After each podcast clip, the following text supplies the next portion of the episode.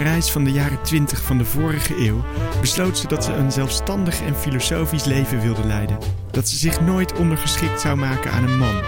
Terwijl vrouwen nog niet eens een bankrekening mochten openen. En terwijl ze zelf nog maar een puber was. Met haar boek De Tweede Sekse uit 1947 beïnvloedde ze het feminisme als geen ander. Ze werd een van de grootste filosofen van de 20e eeuw, Simone de Beauvoir. Dit is de vierde en laatste aflevering van de Beauvoir podcast van uitgeverij Ten Haven. Ik zou de Amerikaanse filosoof Kate Kirkpatrick interviewen in Amsterdam, maar vanwege corona werd het een Skype-gesprek. Zij is de schrijver van de nieuwe biografie Becoming Beauvoir Alive, die in het Nederlands is gepubliceerd als Simone de Beauvoir Een Leven. Er zijn op dit moment al elf vertalingen verschenen of in de maak. Een groot succes. Dat was niet vanaf het begin af aan duidelijk. Truth is, I wondered if this would be career suicide because I've spent several years writing a biography. Well, the writing part was three years, but obviously there's a lot of research that had informed it in the back. So it felt like a big risk, and now now I can finally say that I, it was a risk I'm glad I took. But if you don't mind, let's go back to the start. You wrote a new biography, but there's so much written about this life memoirs, letters, other autobiographical writings, earlier biographies. Why did you feel the urge to add one? I thought I needed to add one because the existing biographies uh, don't spend very much time discussing Beauvoir's philosophy. I'm a philosopher. I wrote my doctorate on the philosophy of uh, Jean Paul Sartre in Being and Nothingness. And uh, I think Beauvoir's importance to the development of existentialism has been under recognized. And one distinction that Beauvoir makes in uh, very early in her philosophical writings is a distinction between the way that a person feels about themselves from within and the way that they're perceived from without. In her earliest student diaries, uh, when she was about 18 years old, she wrote that she thought that the most important thing about her was her thoughts. And b- very late in life, uh, she wrote that she thought, again, that the most important contribution she made was her thoughts. Uh, but the way that her public life has been remembered is often a romantic story about her relationship with Sartre. Why is it that we, we look at it this way? She also helped herself, right, to, to construct this, this image that she was only supportive to the thoughts of Sartre. I think in terms of the kind of public image of Sartre and Beauvoir, there is this idea that they succeeded at being a modern couple where they remained faithful to each other but also free. And so she did help create this legend of this, uh, what we would now call polyamorous relationship, which provoked a lot of curiosity and judgment. Um, but in fact, what it was behind the literary portrait was really different. And so I thought it was um, to interrogate that because one of the things that Beauvoir criticizes is the way that women's lives are often reduced to the, the kind of erotic plots, the story of their relationships with others. In that sense, she is herself an example of what happens to women in general a lot. There's an irony to it because uh, in The Second Sex, she says that one of the myths that disproportionately affects women's lives is the myth that love is their supreme vocation that to succeed at being a woman is to succeed at loving, usually a husband or children.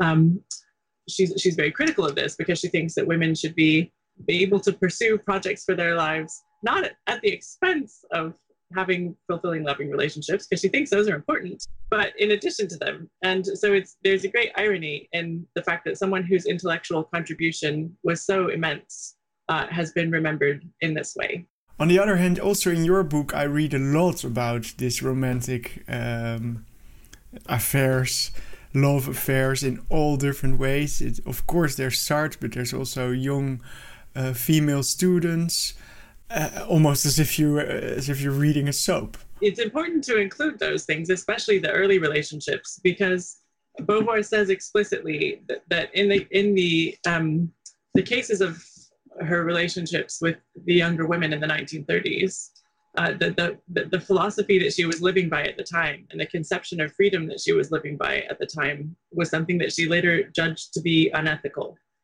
And so Beauvoir's life is a highly politicized life. You know, on the conservative side, people love to judge her as a moral failure. And on the liberal side, many people like to set her up as an icon of liberated womanhood. And I think the picture is much more complicated than that. You know, even in terms of the way she judged her own life, she did think that her treatment of those young women, some in particular, was unethical and wrong. But it's important from a biographical point of view to point out that that happened before she wrote her philosophical ethics and before she wrote The Second Sex. So mm-hmm. there's an extent to which she's learning from her own mistakes, and those mistakes are informing her theory. Can you give an example of what, what she she learned from life she herself judges as unethical things she did earlier, how this changes her way of thinking? The, the most famous case is the case of Bianca Bienenfeld, whose married name was Bianca Lamblin. She was also a very young student, 17, right, when she uh, started this affair. She was very young, yes, that's right. Um, and so Beauvoir at the time doesn't seem to have been disturbed by the, the power dynamics of a relationship with a former pupil. But in any case, she did realize and wrote in a letter to Sartre, so we have evidence of her regret, uh, that, that they were wrong in how they had treated her uh, because Bianca Lamblin, after the relationships ended, she had a kind of mental breakdown. Now, there were other things going on in Bianca Lamblin's life. Um, her father, for example, tried to marry her to an American GI that, that she'd never met before during the war because she was Jewish, and her father hoped that uh, he could get his daughter out of France with an American. uh, and many of the people who were beloved to her died in the context of the war. So it was a it was a traumatic context. But Beauvoir acknowledged that her actions had not been what they should have been in, in that relationship. One of the things that she tried to make central to her ethics was the ambiguity of life. That in, in many situations there are multiple factors that affect a person's decision or that contribute to their suffering. And the concept of freedom that she rejected in the early 1940s, she called solipsistic because it was just concerned with the first person point of view. It didn't really think about the way that how I use my freedom affects other people's possibilities in life.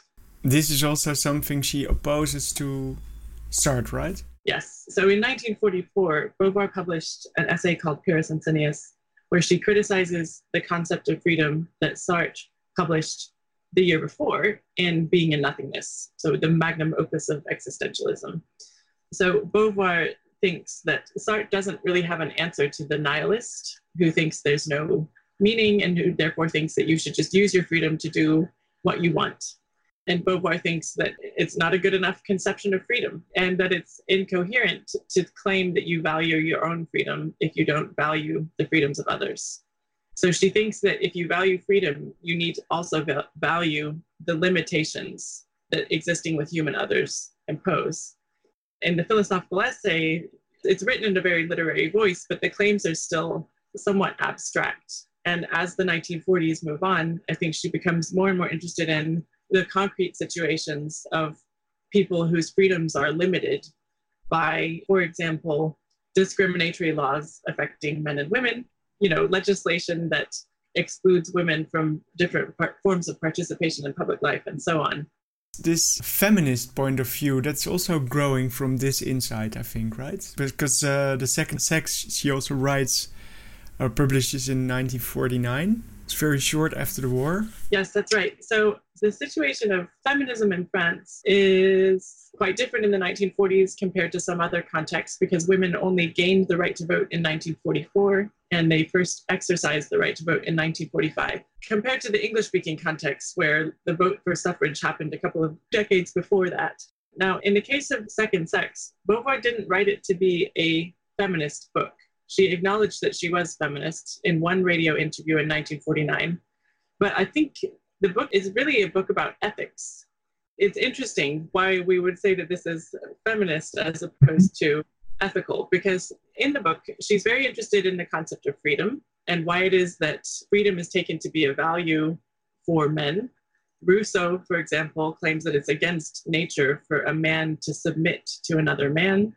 But she's asking the question why is it not taken to be against nature to expect a woman to submit to another man. The concept of freedom and submission uh, play an important role in the book, which is not always discussed because people focus so much more on concepts like gender, which is a word she didn't use. So I think she thinks that the current organization of society in 1949 is unethical because she thinks that everyone should pursue a society in which people are free and not impose these kinds of unethical constraints on women or anyone else. So her relationship with feminism changes over the course of her life because this is supposed to be a theoretical work which builds on the ethics of her previous works in the 1940s. Then, that, you know, about a decade after the Second Sex comes out, suddenly it takes on this significance as a political activist text. And she never wrote it with that intent. So, so could we better skip the word feminism? Because it, it's about ethics, it's about how men or uh, human beings, I should say, uh, are supposed to be free and not only about women's rights. Yeah, so she thinks that the unethical relations between men and women are bad for men and women. Certainly in 1949, she is critical of many forms of feminism. She, she thinks that when uh, American feminists, for example, she discusses in the introduction, when they talk about equality, they're talking about an abstract concept, which is difficult to implement in practice because human lives are characterized by difference. So she's interested in ethics in that period. Now, later in her life, she explicitly endorses a specific political form of feminism because by the 60s and 70s, different feminist groups were campaigning for different political ends. And she became much more political and engaged in legislative reform in the 60s and 70s. But in the, in the 1940s, that wasn't so high on her agenda. So maybe this is also the first period in which we really start to understand what her thinking is about. Because you you portray her for the first time really as a as a thinker. Strange enough, she wasn't so far, right? I mean, I find it very surprising that she wasn't. But then on the other hand, uh, if you want to undermine a woman's intellectual contributions, then this is a very effective way of doing it. Make her love life the part of her that people know about. And much of what she criticized, uh, it was not received warmly, you know, because she, she, she criticized things that we are now more open about, but the expectations that women should just see uh, love as self sacrifice so that they go to work and then come home and do what we would now call the second shift of the care work in the home and the domestic work and all these other things. And she said, well, this isn't justice you know, people go around claiming to value justice in the workplace, but when they come home, they don't seem to want justice. They seem to want a master and a servant. Why, why did de Beauvoir herself contribute to the image that she was merely the interpreter or the popularizer of Sartre's ideas rather than a headstrong philosopher herself? Yeah, so this is a really interesting question. It's true that in places she seems well, she does say, I'm not the philosopher, Sartre was the philosopher. She does not only mock the word feminist, but also the word philosopher. She says, I'm not a philosopher. I have two thoughts about this. One is about Beauvoir's dismissal of a certain kind of philosophy as being irrelevant to life. Um, the other is about the ethics of reading texts about women thinkers. So, in terms of Beauvoir's dismissal of a certain way of doing philosophy, in an essay from the 1940s called Literature and Metaphysics. She made a distinction between two kinds of philosophers systems philosophers and subjectivity philosophers. So, systems philosophers are people like Leibniz and Spinoza, um, who, and it, these are kind of uh, greats in the history of philosophy who, who thought they had a systematic account of how, uh, how reality worked and how everything fits together. Beauvoir thought that most systems were faulty. And the obsession with finding a system that was perfect often took people away from illuminating life in the present. She shares with ancient philosophy a commitment to thinking that philosophy should help people live in a world where there is injustice and suffering and so on. And so, subjectivity philosophers, in contrast to systems philosophers, tend to focus on the first person points of view of individuals. So, Kierkegaard is one of these, uh, she also includes Dostoevsky in this category, even though he wrote novels. So she certainly would classify herself as a subjectivity philosopher in this sense, in which she's interested in concrete particulars. She thinks that following the particular course of a life will give you a much better ability to kind of understand what justice is or what the effects of love and big philosophical concepts than trying to have a grand theory. So that's the first thing to say about that. The second thing to say about it is if you read the life writing, there are places where she is negative about her own philosophical contributions, but there are also places where she defends her own originality. And I think that many feminists have been critical of her um, downplaying, and they have not focused so much on the places where she defends her originality they do exist. And in my view, focusing on her negativity about herself is uh, isn't doing justice to what she said. I think we need to acknowledge both. I think in, in the English speaking context, there are other dynamics at play. So, for example, one of the really famous passages where Beauvoir says that she has this conversation with Sartre in 1929 where he took apart her pluralist ethics. And so she felt kind of heartbroken that her ideas had been destroyed in this conversation. And in the English translation, it says that she preferred learning to pride. So she kind of puts it in these virtue terms that she's, you know, she prefers humility. But in French, she says something different. She says, uh, J'étais beaucoup plus uh, curieuse qu'impetueuse. I was more curious than impetuous. Like there's this sense that she feels open to learning. So there's not the same sense of being defeated and shut down. Like it's an opportunity to learn when someone else criticizes you. And I think philosophers value doubt, even self doubt, because it's an opportunity to learn. So when Beauvoir expresses doubt, I think sometimes people move too quickly to thinking that she's just lacks confidence or uh, that she, you know, riddled with self doubt. Because in fact, doubt can be a good thing. Instead of downplaying her own quality, she is only valuing the quality or, or, or the value of doubt. Yeah, and I think if you look at these stories in the context of the narrative, so many people pick out these negative quotes and not look at the role that they play in the context of a bigger piece of the narrative in her life writing. This relationship with Sartre is, of course, still a very central part of, of her life, but also of her thinking and the other way around as well. Maybe we should zoom into this. When I read was reading the book, I, I had a lot of moments that I thought if it was a game, he he would constantly be losing. Because uh, well, there's one passage I, I, I really love where you describe, well, you quote the Beauvoir on the way Sartre reads, and then she says something like he reads a little, and then uh, if he happens to feel like reading, any book can delight him and then he just asked the printed pages uh, to serve as a support for his imagination or his thoughts. Somewhat like fortune tellers keep seeking support for their visions. That's that's and and and, and then this is opposed to the way the Beauvoir reads. She reads a lot more to start with, a lot more in German as well, a lot more in the original languages, which is very important for philosophy, of course. And then also she reads in a in a very different way. Like she's she constantly wants to like you just said with the doubt uh, as a value uh, she wants to undermine her own thinking.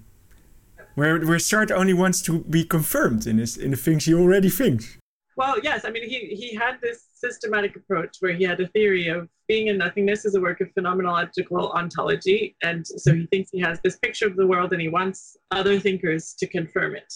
I mean, that essay about Sartre is hilarious because it's one of the reasons why I think I, I don't understand it when people claim that Beauvoir never criticized Sartre because she criticized him like that was the basis of their relationship was mutual criticism they valued each other's criticism of their work. Um, they clearly did not share the same moral standpoint. And it departed quite clearly in the 1940s, although there were disagreements before then. Um, there are some readers of Beauvoir, especially in the English speaking world, like the, the Fullbrooks, Ed and Kate Fullbrook, claimed that Sartre stole Beauvoir's ideas uh, because it's true. She was much better at languages. I mean, she taught Latin and Greek in the years before she had a philosophy teaching post. She read works of English literature in English in her childhood. She read German. So she was a much better linguist. She was much more rigorous and careful scholar. but she did not have the kind of flamboyant, risk taking personality that Sartre did. I don't agree that, that he stole Beauvoir's ideas. I think what they had was an incredibly generative intellectual friendship where both of them were able to bounce ideas off of each other and to influence each other and to challenge each other. And, you know, I mean, in, in, I teach philosophy, and we know from studies in university philosophy courses that if you have students who form friendships with other philosophy students and discuss what they're reading outside of the formal learning context of the lecture and the seminar, they will do so much better. And Beauvoir and Sartre discovered that in each other as university students, and then they didn't ever want it to end. Yeah, that's so nice. Huh? That's that's beautiful. It's also a much more inspiring picture of them. It is inspiring, but one of the things that's sad is that the story has just been told according to this traditional kind of romance plot. Because I think friendship between men and women can be one of the most wonderful things in life. But if relationships between men and women are subsumed under the category of the erotic, then that can get in the way of, of that sort of thing. Early in life, they already saw well, this erotic part is not really the most important for us. Why? Why is it so so troublesome? Even though the rest of the life, you know, it's it's it's it really becomes a mess. I think it's because they made some decisions that were really unethical towards the other people in their lives. The kind of ideal portrait that was painted in the, the life writing of it being an honest and truth telling relationship, it didn't really resemble reality. I cite in the chapter on the second sex a letter that she received from one of her female lovers in the 1930s, where Bianca claims that Beauvoir's life is a mosaic made up of many different people. But from Bianca's point of view, Beauvoir is her life. Many people think that what love means, there's this kind of mythology of love where once you are in a love relationship, the other person, the beloved, is your life. But she doesn't think that's love, she thinks it's idolatry. Making an idol of the beloved instead of relating to them as a free person who continues to need freedom even in a in a relationship of love. What scenes in her life struck you most or or is most uh, is showing this most? Mm. okay well here's one. So with her american uh, lover nelson algren he wanted to marry beauvoir and proposed and she said no she says there, he's an important part of her life, she says, but he's not all of her life. And I think she feels very hurt that he expects her to kind of give up. Uh, he wanted her to move to America, but she felt very committed to her situation. The concept of situation is super important in her work. She was very interested in culture, and so she wanted to write for French culture. Um, and so she, she said, you know, how could you expect me to leave the place where my work has meaning? because it's so informed by culture and infused by this culture. In that situation, she felt very sad because she did love Nelson Algren, but she realized that he had this kind of possessive conception of love where he was supposed to be her everything, and that wasn't a life she could live. No, she never knew that people like you would exist in the future, like in America and in England. Oh, I know. This is it, it, it, It's so interesting. I think she even says in that passage, it's the only place where her work could have a meaning. But it is true, right? That that Sartre was already successful in English as well, in English-speaking countries, while while she wasn't yet. Well, so the, the reception of Sartre Beauvoir is fascinating because the ethics of ambiguity was actually translated very early and influenced the reception of existentialism. Uh, so, um, yes, he, he was translated faster into English than she was. She still played a role because she did these tours in America and published that funny article about Sartre, which you mentioned. And what I also thought is very touching is is that the Beauvoir also has the urge to make her ideas concrete. Huh? For instance, when she says that it's important for women to also pursue projects that are most important in their lives, and then she also wants to uh, help women to do this, and she she offers a lot of her time to do, to that, right? Yeah, so this is one of the areas of Beauvoir research that I think is most exciting at the moment because there are manuscripts in the Bibliothèque Nationale in Paris well, letters, about 20,000 letters, readers to Beauvoir. And in some cases, so there's a fellow called Marine Rouch who's working on uh, these archives. And what she's finding is just super inspiring because it looks like Beauvoir's readers inspired some of the ways that her writing changed in her later life because she did live a relatively privileged Parisian life.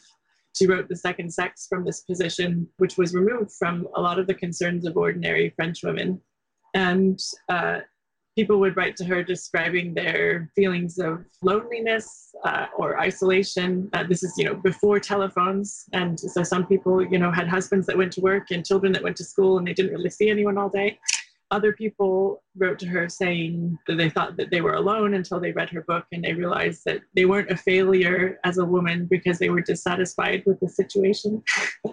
um, so it's really eye opening as a kind of testament to 20th century women's lives. But it's also eye opening in terms of the portrait that we have of Beauvoir, because in some cases she entered into correspondence with these women. She encouraged some of them to develop literary careers. And even at the height of her fame, she spent an hour a day replying to correspondence because she wanted these women to have a reply.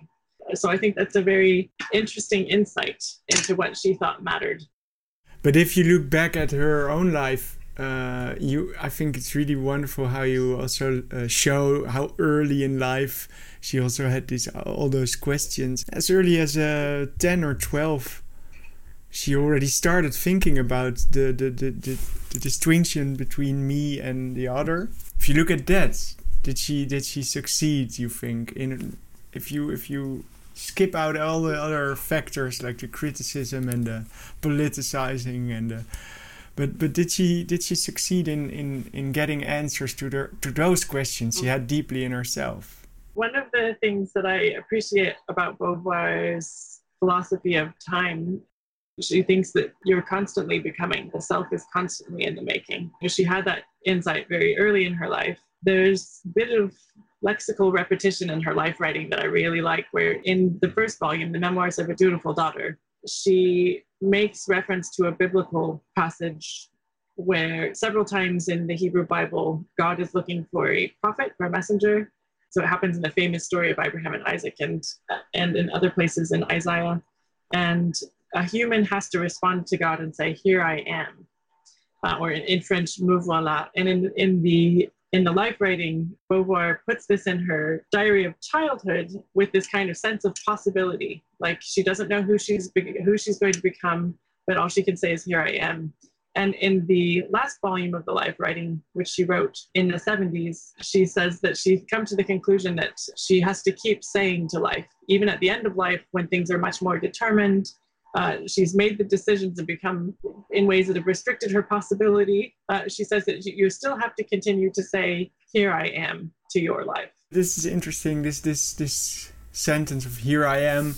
It means as well just being there or not, being answering to the to the situation as as far as you can. Or "Here I am" is about being available to the world and and to the other humans to whom you could respond.